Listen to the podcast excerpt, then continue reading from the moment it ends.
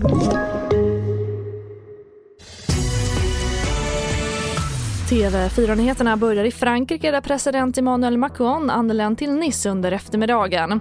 För i morse skakades ju landet av ett knivdåd i Notre Dame-kyrkan då tre personer dog och flera skadades.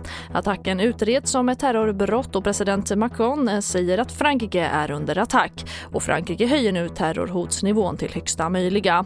Antalet soldater som sätts ut på fransk mark kommer att öka från 3 000 till 7 000 och säkerheten på skolorna kommer att stärkas. Och mer om det här kan du se på TV4 Play. Och Socialdemokraterna säger nej till LAS-utredningen. Stefan Löfven skriver på Facebook att man vill att förändringar i arbetsrätten som ändrade turordningsregler ska utgå från vad fack och arbetsgivare kommer överens om. Och TV4s politiska kommentator Ulf Kristoffersson berättar mer om vad det här innebär på TV4 Play. Och vi avslutar i Emmaboda där en jägare dömts till dagsböter efter att han i augusti under en vildsvinsjakt råkat skjuta två shetlandsponnyer. Jägaren trodde att han hade span på två vildsvin men det visade sig efter skotten att det var två små hästar som rymt från sin hage.